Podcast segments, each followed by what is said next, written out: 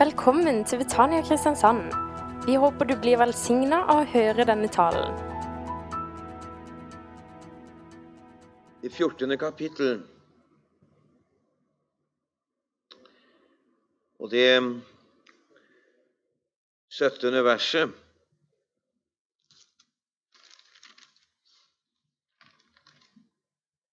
Hele det kapittelet er jo et, et, eh, rikt kapittel og en, eh, en trøst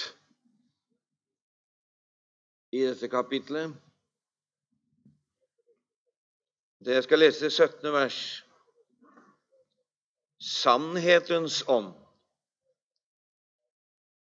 som verden ikke kan få, for den ser ham ikke og kjenner ham ikke. I kjenner ham, for han blir hos eder og skal være i eder. Kapitlet begynner med trøst, og det er jo godt. Eders hjerte forferdes ikke. Tro på Gud og tro på meg. Da går det fint. Og så sier han, i min Faders hus er det mange rom. Var det ikke så,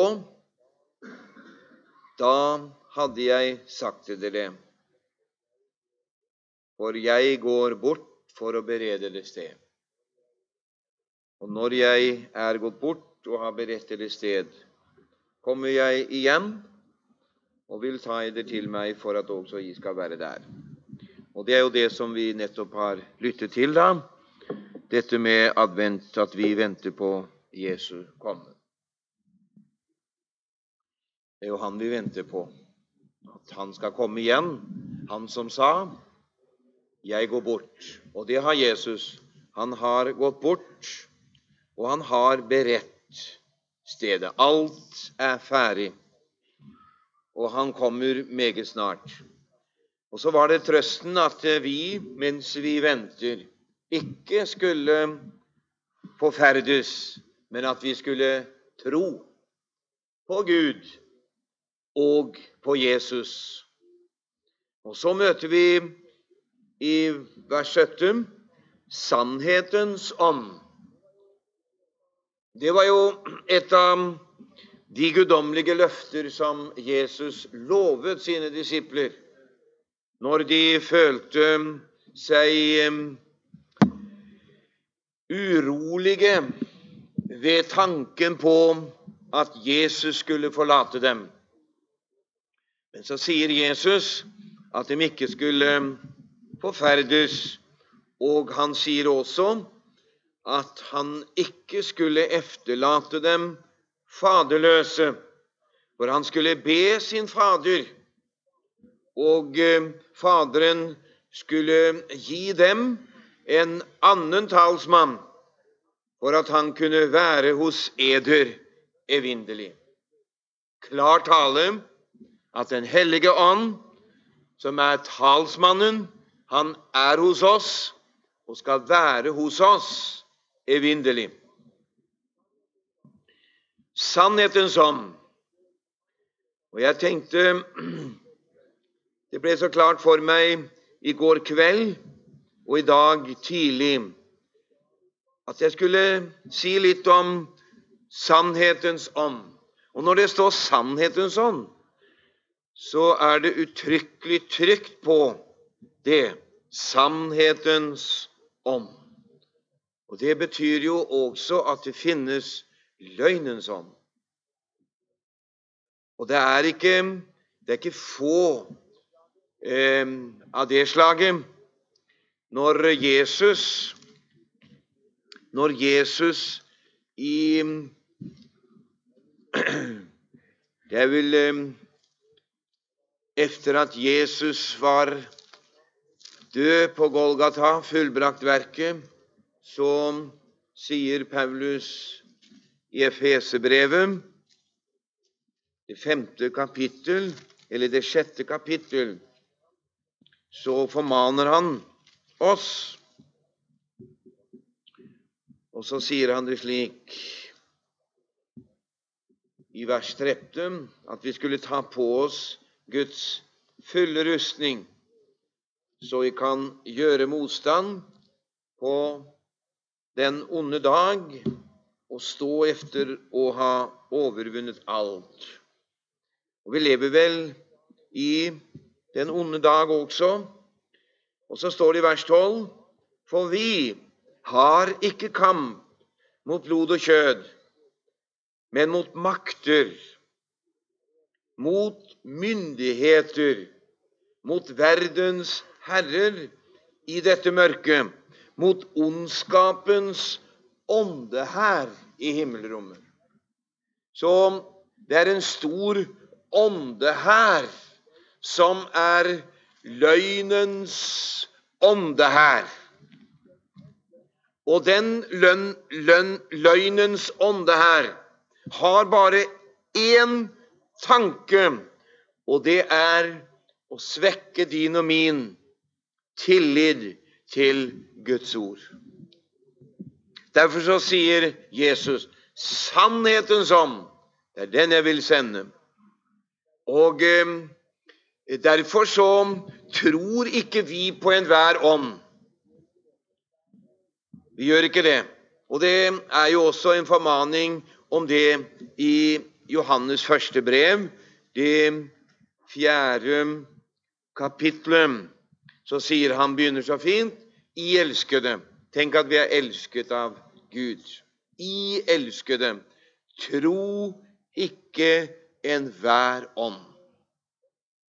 Jeg ville ønske Det er min bønn og mitt ønske for oss alle sammen for mitt vedkommende tro ikke enhver ånd.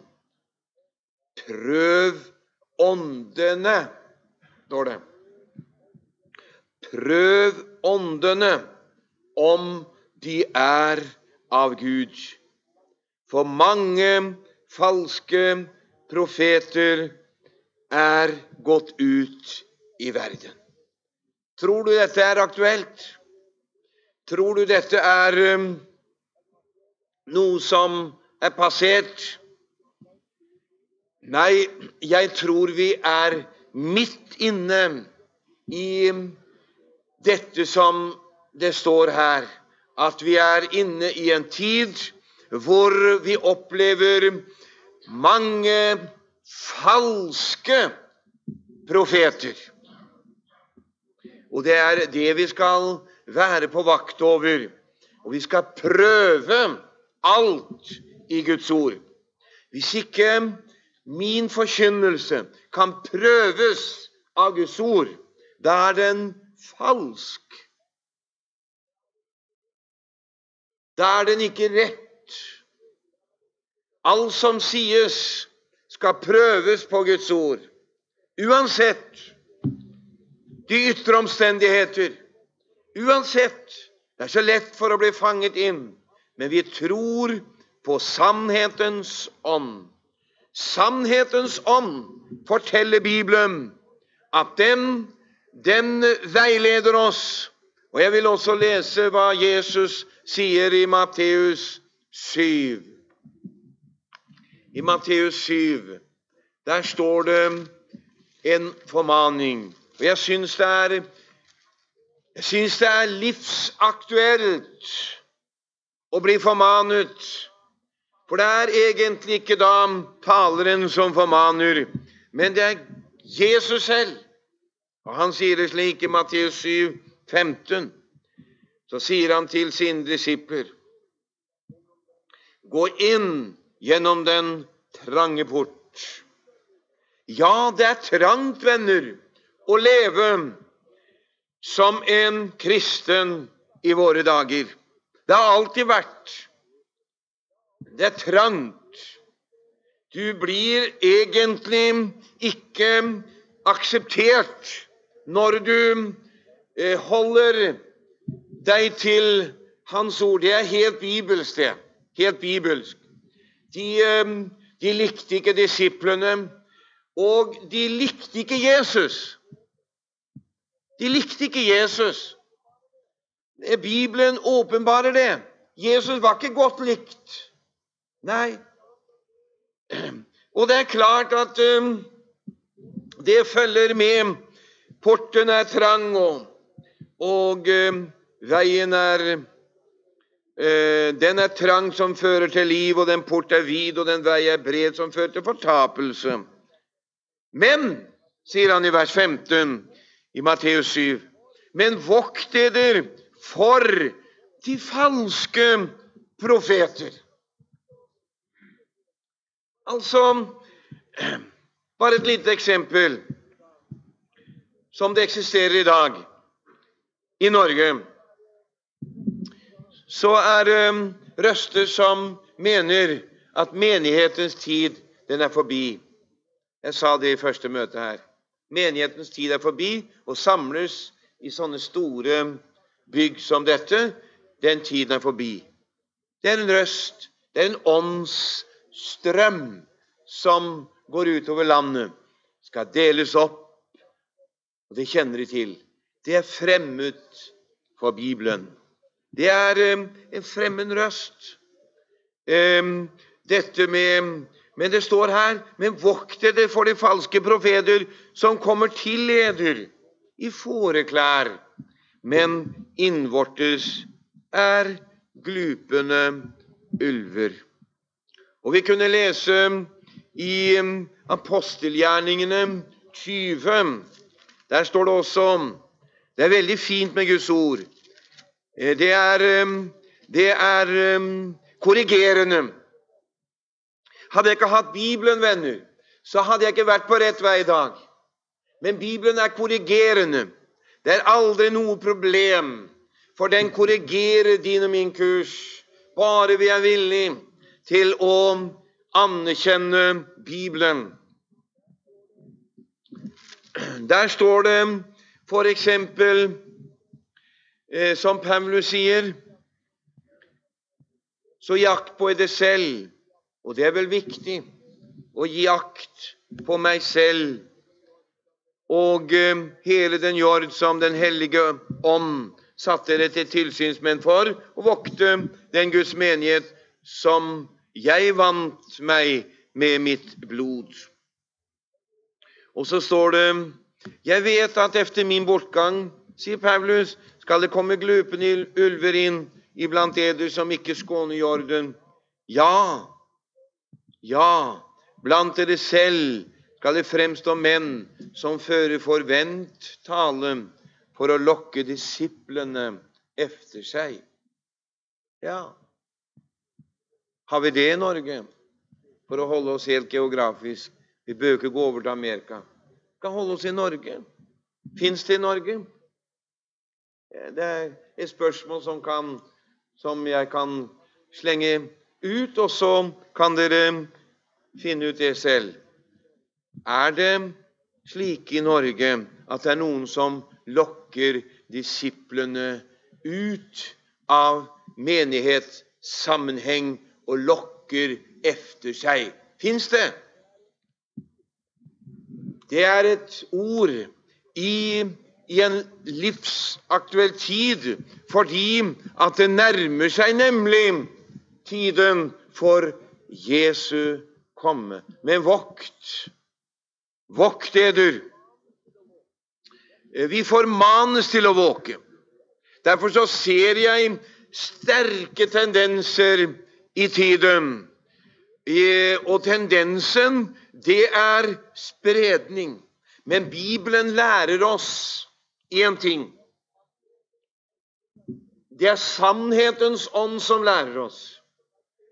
Tendensen som vi ser, er spredning.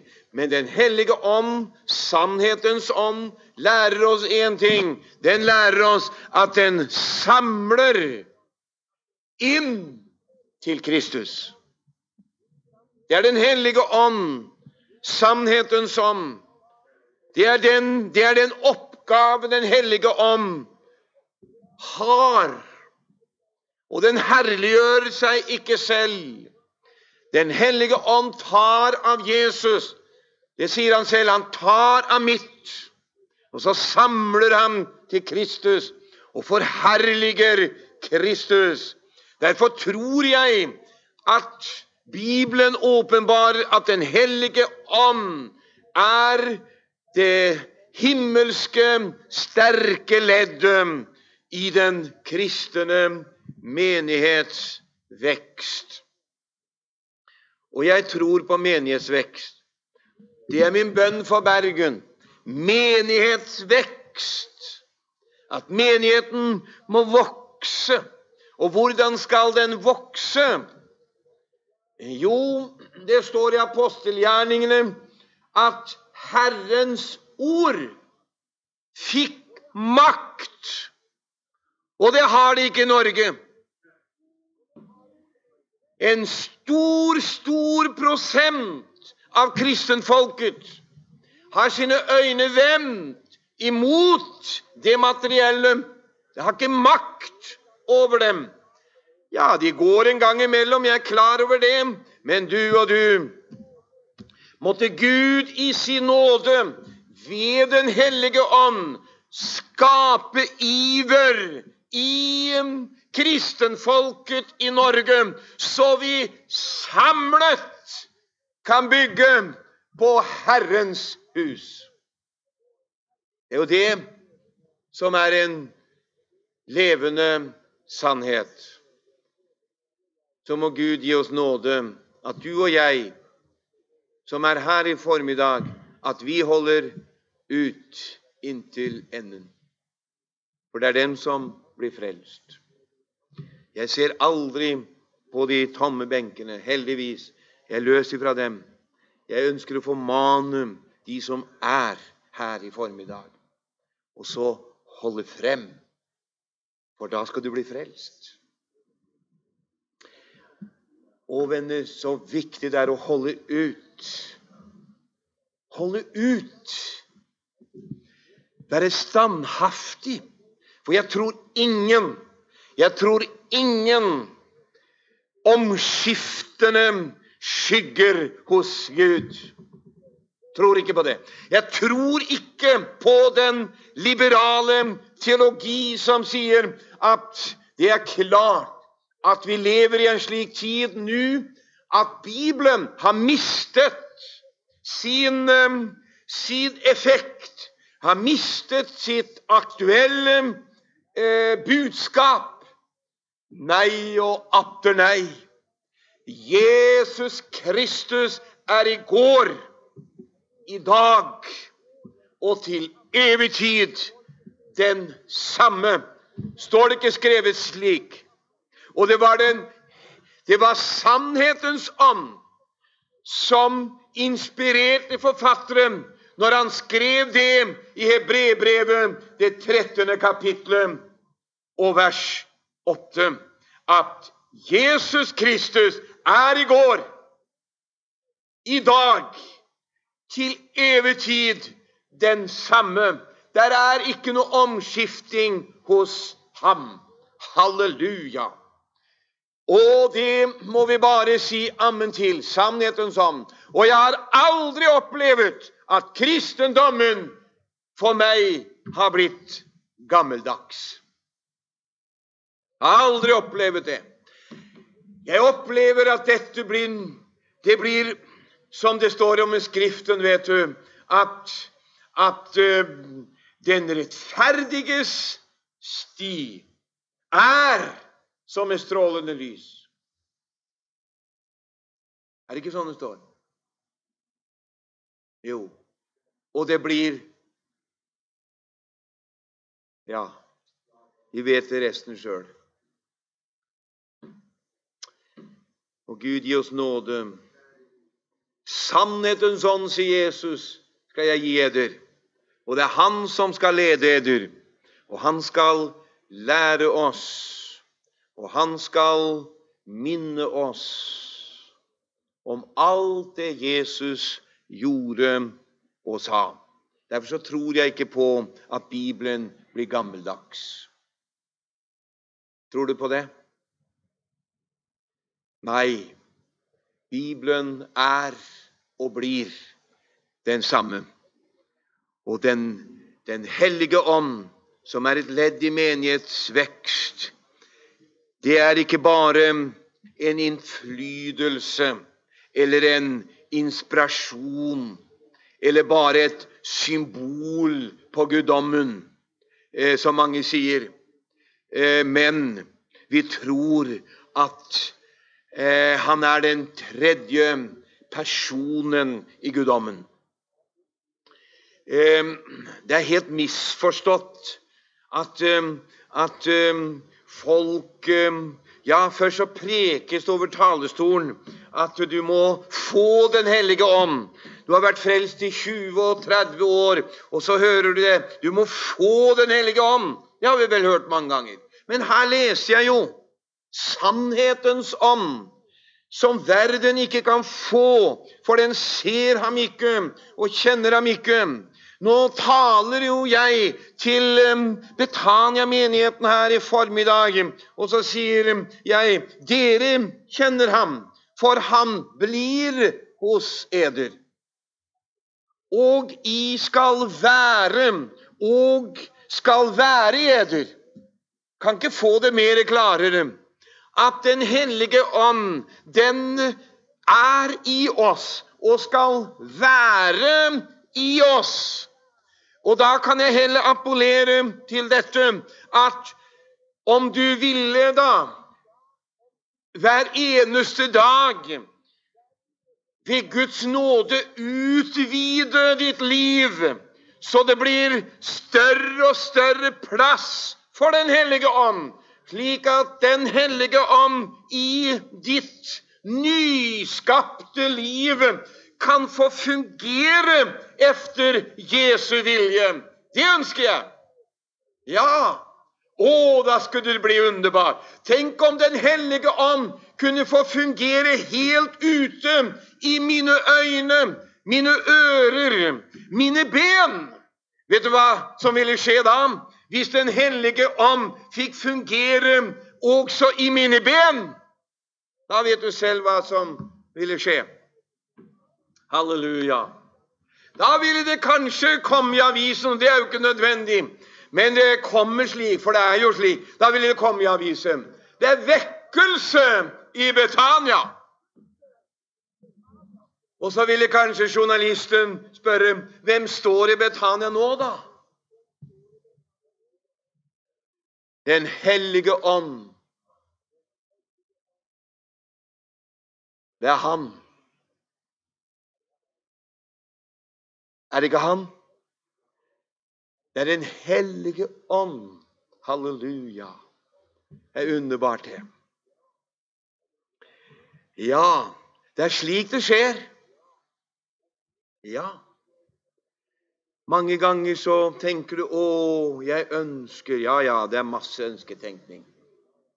Jeg ønsker å Men du, jeg sier det ofte har sagt i Bergen at um, om et, et, menneske i forsamlingen plutselig eh, skulle um, oppleve noe helt spesielt, så er det ikke fordi at det mennesket da fikk Den hellige ånd. For hun hadde jo vært frelst i 40 år. Men det var det at hun, hun, hun utvidet sitt liv. Og så fikk den hellige ånd belyse en del av skattkammerets hemmelighet. For evangelievenner er en hemmelighet. For det står det 'den hemmelighet' som var fra evighet, men som nå er åpenbaret. Og hvem åpenbarer Guds hemmelighet i Guds menighet? Er det ikke Den hellige ånd? Jo, venner, det er Den hellige ånd. Og den ønsker å trenge inn i våre liv på en mektigere måte. Og det står i Efesebrevet Og vi kunne se mer storhet av det. Det er Herren som må skape iver. Det er bare Den hellige ånd som kan skape iver, venner. Og det står det også Herren skapte slik iver i folket, så de kom. Ja, de kom. De hadde altså ikke lest eh, bøker, og de hadde, ikke, de, hadde ikke, de hadde ikke fått sett noe spesielt, men det var Herren som skapte iver i folket. Jeg har jo levd i 30 år som en kristen, så det er erfaringer som jeg taler om. Jeg husker en gang på losjen at det var en broder som sa Nå må vi da få han! For han var vel selvfølgelig trøtt av å, å se lite folk, da. Så han, han, vi må få han, sa en spesiell mann. For da Ja, hva så? Jo, da fylles huset. Ja, han kom, han, og huset fyltes. Men når han reiste, så var huset like tomt igjen. Ja, hva var det, da? Var det Den hellige ånd? Nei. Men det var Herren som skapte iver. Og når Den hellige ånd skaper iver, da er det noe som blir uh, fast og sikkert. Halleluja. Vekkelsen i 1906 og 7, og den som da fulgte over Norge. Jeg sa det en gang på møtet her, at losjidørene de sto oppe natt og dag. Det var ingen predikant på losjen klokka ett om natta, men det lå syndere og ropte til Gud om frelse. Hva var det, kjære, elskede venner? Det var Den hellige ånd som hadde fått rom i de sjeler som levde med Gud den gangen. Slik at eh, det var Den hellige ånd som skapte slik atmosfære i mennesket. Og denne atmosfæren, den strålte utover, og så begynte mennesker, ugudelige mennesker, de begynte å kjenne dragelse i lufta, og de dro til lokalet som var oppe klokken ett om natten så var det mennesker som ropte til Gud for å bli frelst. Det var mørkt i lokalet, men de ble frelst, for de kom tilbake når det var møte dagen etterpå og sa i natt ble jeg frelst. Halleluja. Og det er restene, venner. Det er restene av denne vekkelsen som vi ved Guds nåde ønsker å bevare. Men nå ønsker vi av hele vårt hjerte en ny eh, En ny fornyelse av denne vekkelsen, slik at også vi i denne generasjonen kunne oppleve at enda en gang at Den hellige ånd rystet folket i Norge, slik at det ble iver. Og det er like Det er like Det er like um, uh, Hva skal jeg si? Altså så Således som vekkelsen brøt ut i Los Angeles i 1906 og 7, så er det klart at den kan like godt bryte ut i Betania, i Kristiansand. For den brøt nemlig ut ved mennesker som utvidet sitt liv for Den hellige ånd. Ja, det kan vel like godt skje i Norge, ikke sant, venner? Om vi skulle ta en beslutning, en hellig beslutning Gud, vi vil ha vekkelse. Det står i Efeserbrevet om eh, dette med at det kommer inn i våre hjerter. Den hellige ånd, sannhetens ånd. Nå taler jeg om sannhetens ånd. Jeg har levd med Jesus i 30 år. Han har ledet meg til sannhetens kilde. Halleluja. Sannhetens ånd. Jeg er veldig var på mange ting. Jeg har lest bøker, jeg har lest mange, massevis av bøker for å så se gjennom. Jeg har prøvd dem, og det stemmer ikke alt med Guds ord. Våg derfor, sier Jesus, våg å be. Ja, så vi ikke skal bli overrublet av fristeren. For mange åndelige strømninger i tiden er så parallelt med Jesus. Ja, parallelt. Det var en som kom inn i en stor katedral og så et flott bilde av Jesus. Det var så pent. Og det var så likt av det som vi da tenkte av Jesus, men det var allikevel ikke ham.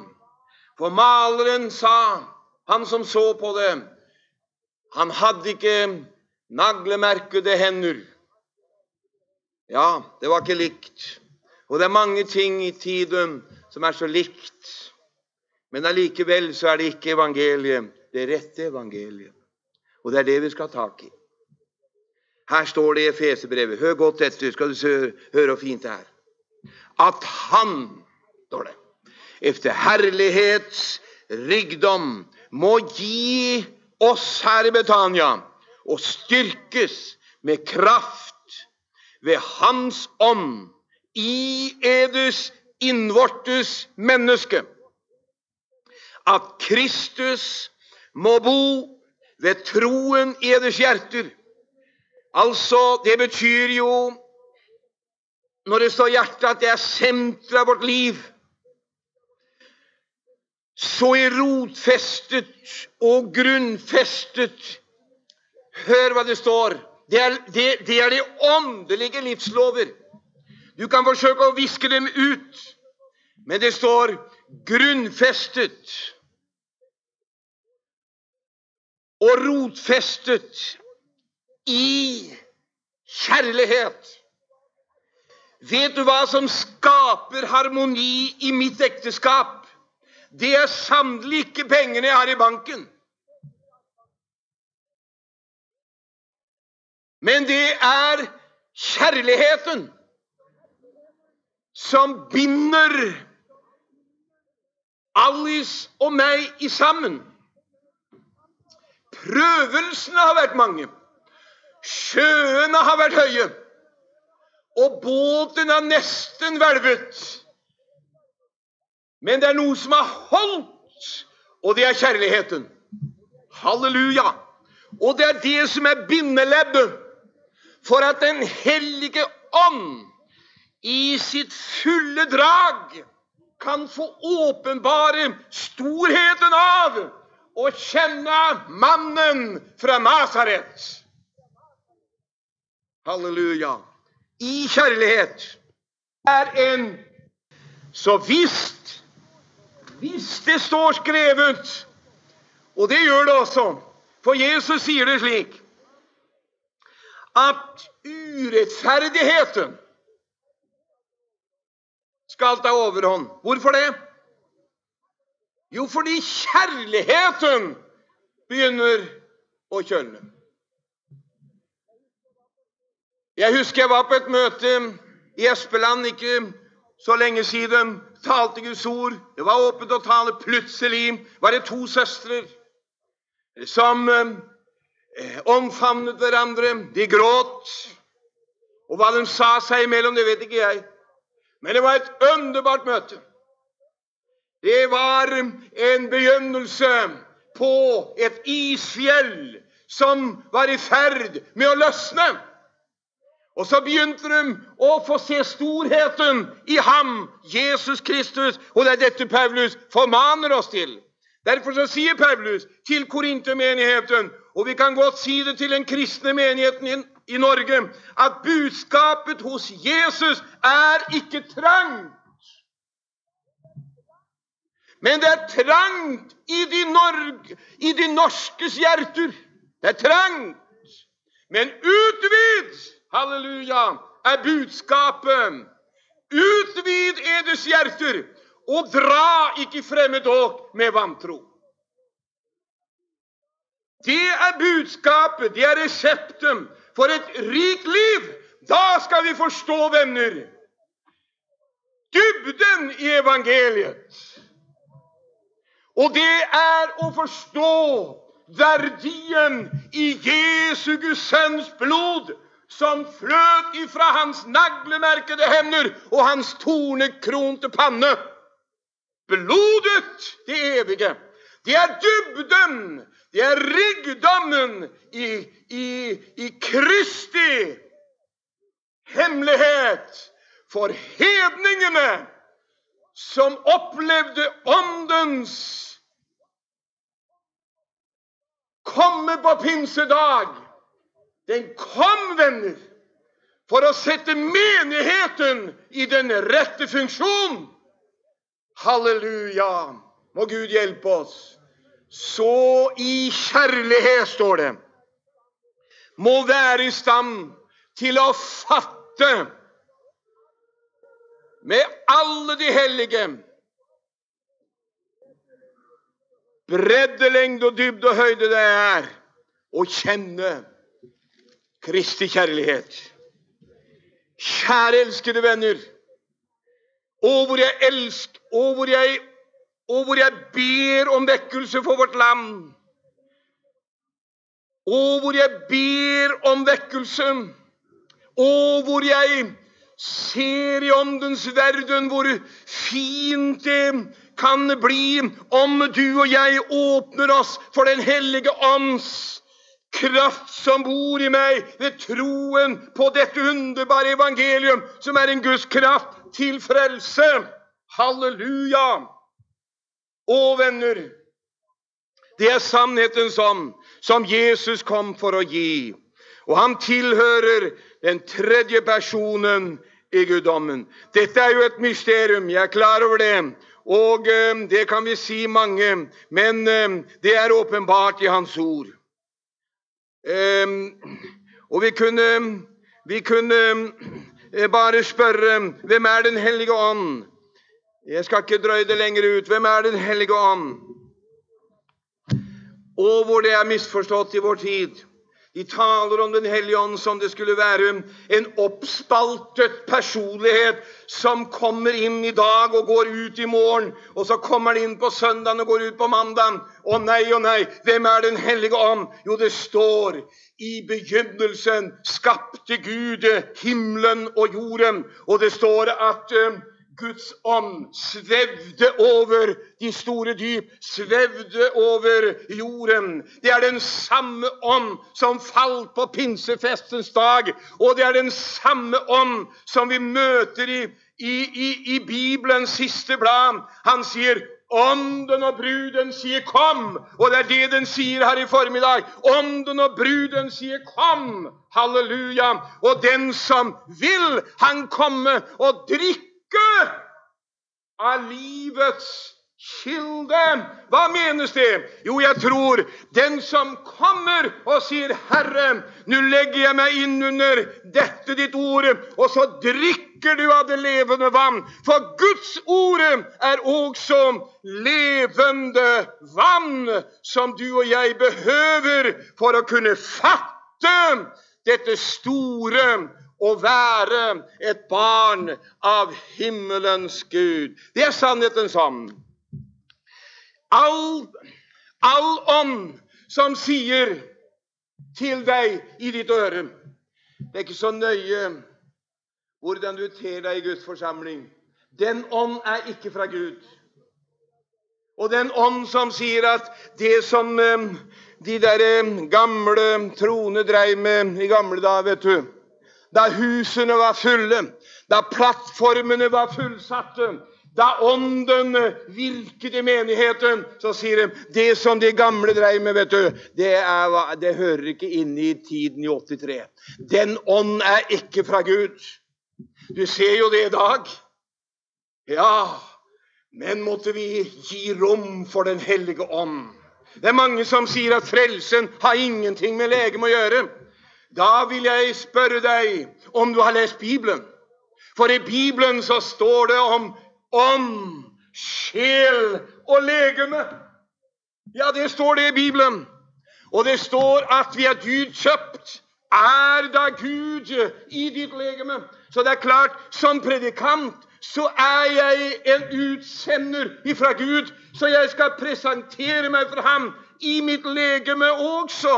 Jeg skal ikke være til anstøt, jeg skal ikke være til vanry for hans navn, men jeg skal presentere ham som den hellige, opphøyede.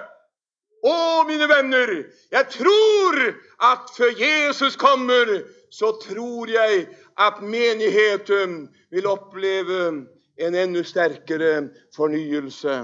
At vi utvider våre hjerter. Men hvordan det skal komme, det har jeg ikke resept på. Kanskje den kommer med trengsler. Kanskje den kommer med nedgangstider. Ja, men han vil at vi skal utvide vårt hjerte for sannhetens ånd. Den hellige ånd. Han er en personlighet, min venn. Så når han kom inn, så kom han inn med hele sin kilde. For det sto det. For Jesus får oppover alle himler for å fylle alt i alle. Halleluja. Så det er altså eh, dette med opplevelsen, vil jeg si før jeg setter meg ned. Jeg har hatt mange underbare åndelige opplevelser med Jesus på vandringen imot himmelen. Jeg har opplevd å tale i fremmedspråket. Jeg har opplevd å kunne ta, tyde det fremmede språket. Det er opplevelser fordi jeg utvidet mitt liv for Den hellige ånd.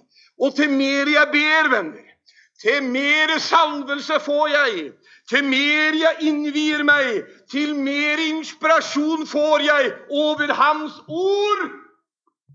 Og det er ikke teologisk utdannelse som har holdt meg oppe i tjenesten, men det er Han alene, med den innvielsen som mange ganger har vært svak. Men til mer jeg innvier meg, til mer får jeg. Halleluja! Til mer flyter oljen, og til sterkere åndelig blir du i hverdagslivet og i menighetslivet. Så må Gud velsigne oss at vi har sannhetens ånd, og at den samler til ham som er hodet på legemet. Amen. Så vil vi reise oss opp, og så priser du Herren. Han er verdt å prise. Hvem som helst. Broder eller søster, vær frimodig. Vi høylover deg, Jesus, fordi du er veien, sannheten og livet. Fordi du er mellommannen mellom mennesket og din Fader. Og det er ved deg, Jesus, vi kan komme til Gud. Og vi takker deg for dette møtet i formiddag. Å, må dette skape lengsel skape ærefrykt, skape nødrop til deg som løser ut. Jeg ber deg for menigheten i Betania. Gud, halleluja. La en, la en strøm i hjertene bringe frem til vekkelse og liv. Jeg ber om det i Jesu navn. Amen. Du har nå hørt en tale fra Betania Kristiansand. For mer informasjon kan du besøke våre hjemmesider på betaniakrs.no.